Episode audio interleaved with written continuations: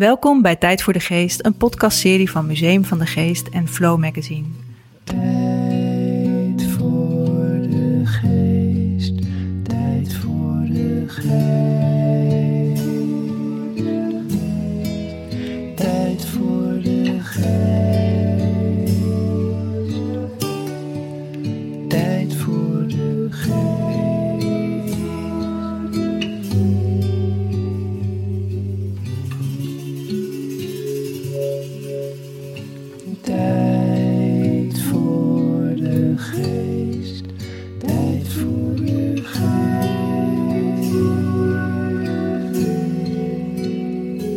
Mijn naam is Karine Hoenderdos, ik ben journalist en host van de podcast Tijd voor de Geest.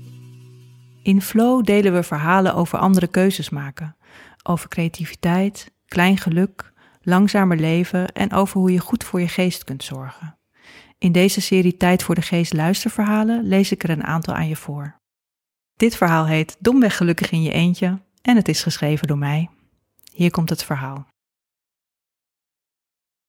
September 2015, Lesbos. Bij het krieken van de dag wandel ik het hotel uit, langs de olijfboomgaarden en schapenweides naar het ruige, heuvelachtige achterland. Dwalen is misschien een beter woord dan wandelen. Er is geen route. Ik loop volledig op gevoel. Toch verdwaal ik niet, want ik ben alert op de tekenen onderweg. Een krom boompje, een zwerfkei. Uren ben ik onderweg, totdat ik net op tijd voor het ontbijt kan aanschuiven in mijn hotel. De ene week woon ik alleen, de andere week woon ik met mijn dochter. Dat is niet altijd zo geweest, want ruim twintig jaar woonde ik samen met man en later ook met kinderen. Na de scheiding kocht ik mijn eigen huis en ging ik alleen wonen. In het begin was dat wennen, maar al gauw ontdekte ik de voordelen. Het huis precies zo inrichten als ik zelf mooi vind. Niet zorgen voor anderen, alleen maar voor mezelf. Precies mijn eigen ritme volgen. Van stevig doorwerken tot diep in de avond, tot ineens middags besluiten om naar de film te gaan. Koken en eten waar ik trek in heb. Gek genoeg ging ik nooit alleen op vakantie.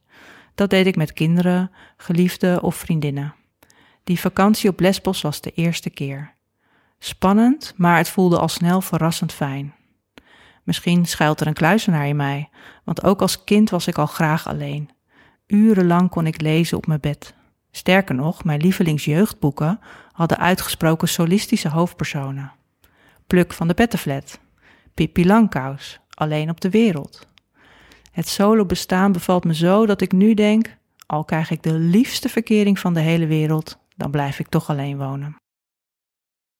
En ik ben niet de enige. Uit vrije wil kiezen voor een leven alleen is een wereldwijde trend. Steeds meer mensen wonen alleen, ook in Nederland. Volgens het Centraal Bureau voor de Statistiek woonden er in 2018 bijna 3 miljoen mensen alleen. Dat aantal neemt elk jaar toe. Voor sommige mensen is dat niet uit vrije wil, maar steeds meer mensen kiezen er bewust voor. In Zuid-Korea noemen ze dit honjok. Mensen die het alleen zijn omarmen. Honjoks vieren dat ze een individu zijn en dat ze ontsnappen aan het keurslijf van sociale verwachtingen, zoals trouwen, kinderen krijgen. Honjok is niet hetzelfde als leven als een kluizenaar, maar het is kiezen voor zelfontplooiing en individualisme. Grote denkers en kunstenaars kiezen ook bewust voor het alleen zijn. Schilders trekken zich terug in hun atelier, schrijvers gaan op retraite. De filosoof Thoreau ging twee jaar lang alleen in de natuur wonen en schreef daarna zijn beroemde boek Walden. Thoreau zegt: Waarom zou ik me eenzaam voelen? Ik voel het zoete, weldadige gezelschap van de natuur. Nu is het niet voor iedereen geschikt in je up zijn. Sommige mensen hebben zelfs last van autofobie, de angst om alleen te zijn. De radioserie Alleen op een eiland maakt dit mooi duidelijk. Precies 50 jaar geleden werden twee schrijvers, Godfried Bomans en Jan Wolkers, ieder een week lang gedropt op het onbewoonde Waddeneiland Rottermerplaat. Er was alleen een radioverbinding met het vasteland. Godfried Bomans werd gek van de krijzende meeuwen en de eenzaamheid. Dagenlang lag hij ziek in zijn tent. Jan Wolkers loste Bomans na een week af. Hij trok meteen al zijn kleren uit, redde een zeehond, bouwde een hek rondom het eiland en was helemaal in zijn element. Bomans versus Wolkers. Wat is het verschil? Wat maakt dat Wolkers helemaal gelukkig was terwijl Bomans wegkwijnde? Natuurlijk, Wolkers was een natuurmens en Bomans niet. Maar misschien moet er wel een beetje aanleg zijn voor het alleen zijn.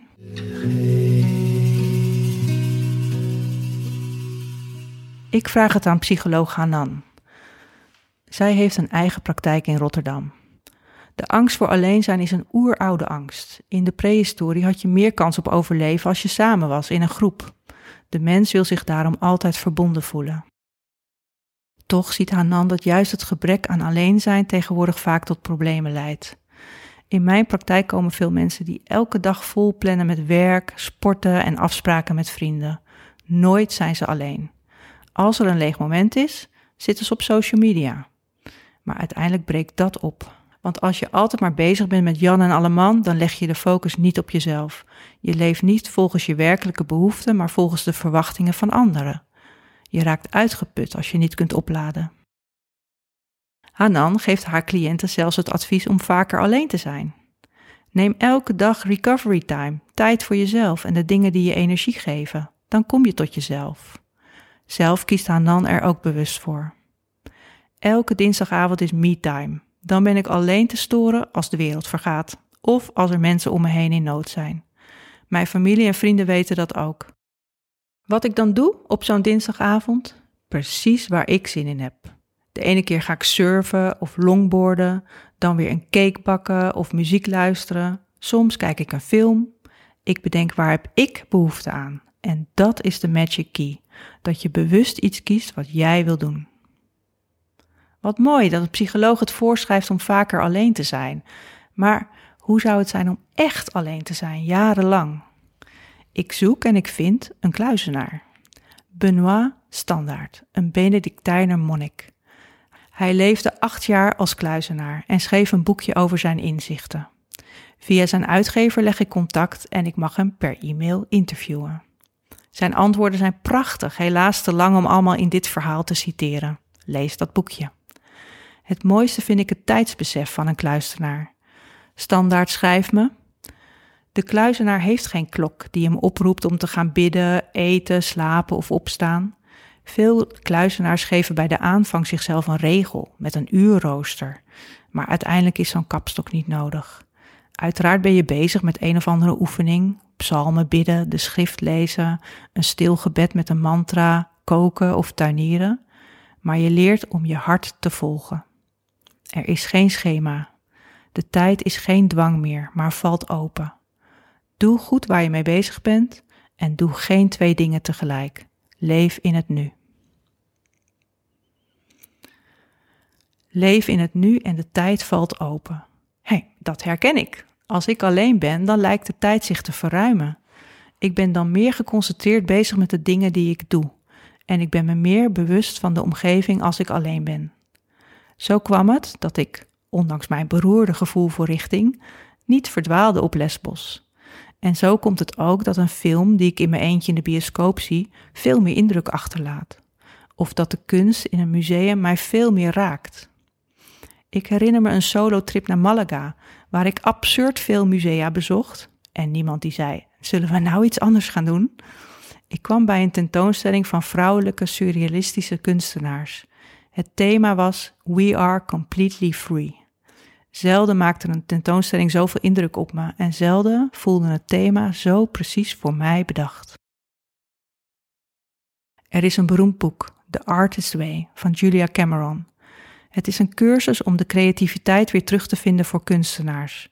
Maar stiekem werkt het boek voor iedereen die nieuwe wegen zoekt in het leven. Cameron schrijft voor dat je elke week een artist date met jezelf doet. Een afspraakje met de kunstenaar in jezelf. Je gaat dan bijvoorbeeld naar een museum, maakt een wandeling, bezoekt een film of een concert. Alles kan als je er maar plezier aan beleeft en nieuwe indrukken opdoet.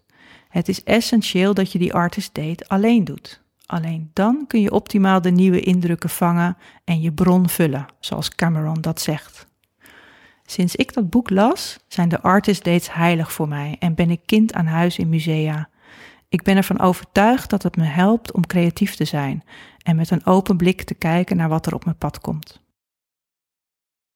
Misschien denk je nu, ja, ja, alleen naar de film of een museum of een vaste avond voor mezelf. Ik ben al blij als ik even rustig op de wc kan zitten. Met een partner en of kinderen in huis kan tijd voor jezelf voelen als een heel kostbaar goed. Maar het is ook kostbaar en daarom belangrijk om die tijd voor jezelf te claimen, vindt psycholoog Hanan. We kunnen onze eigen grootste vijand zijn in onze diepste angsten en gedachten. We kunnen echter ook onze eigen beste vriend worden. Tijd voor jezelf zorgt dat je jezelf beter leert kennen, dat je precies ontdekt wat je zelf wil. Het is ook goed voor jezelf zorgen, met lekker en gezond eten, een gezellig huis, een kaarsje aansteken, jezelf leuk aankleden. Wat een rijkdom is het als je die zelfliefde kunt ontwikkelen, omdat je dan altijd je beste vriend bij je hebt. Lesbos 2015. Op de laatste avond van mijn vakantie zit ik aan zee en kijk ik naar de horizon.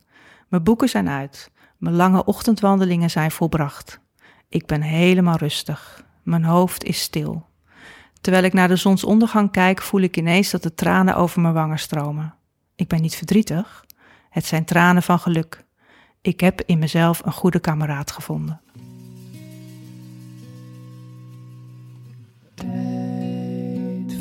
Je luisterde naar Tijd voor de Geest, een podcast van Museum van de Geest en Flow Magazine. De producer is Jonne Cerise en de tune is van Spinvis. Wil je meer weten over het museum, over deze podcast of over Flow Magazine? Bezoek dan museumvandegeest.nl of flowmagazine.nl. Abonneer je op deze podcast bijvoorbeeld bij iTunes en laat een review achter. Of deel deze podcast met vrienden en familie, zodat zij ook eens tijd maken voor hun geest. Tot de volgende keer.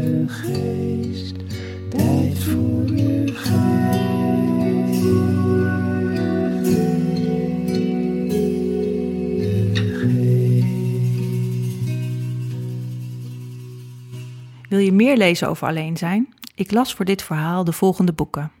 Honyok, de Koreaanse kunst van het alleen leven door Francie Healy en Crystal Tai. Het is een mooi pleidooi voor alleen zijn met veel praktische tips. Je kunt ook luisteren naar Alleen op een eiland, dagboek van een eilandbewoner. Een heerlijk luisterboek uit het verleden, met de radio-uitzendingen van Godfried Bomans en Jan Wolkers. Walden en de plicht tot burgerlijke ongehoorzaamheid door Henri David Thoreau. Het is een filosofisch boek over natuur en een pleidooi voor een betere samenleving. Best een pittige pil, maar je leert er wel veel van. The Artist Way, vind je eigen inspiratie door Julia Cameron. Dit is een werkboek om in twaalf weken je creativiteit te hervinden. Het boek Solo Reizen, hoe je in je eentje de wereld trotseert, door Lisbeth Rasker. Een praktisch en inspirerend boek over reizen in je eentje. Leven als een kluizenaar, wijze lessen voor alle dag, door Benoit Standaard. Dit zijn mooie, filosofische en diepgelovige teksten. En als laatste Solo Food. 72 keer koken voor jezelf door Janneke Vreugdehil. Over lekker koken voor jezelf.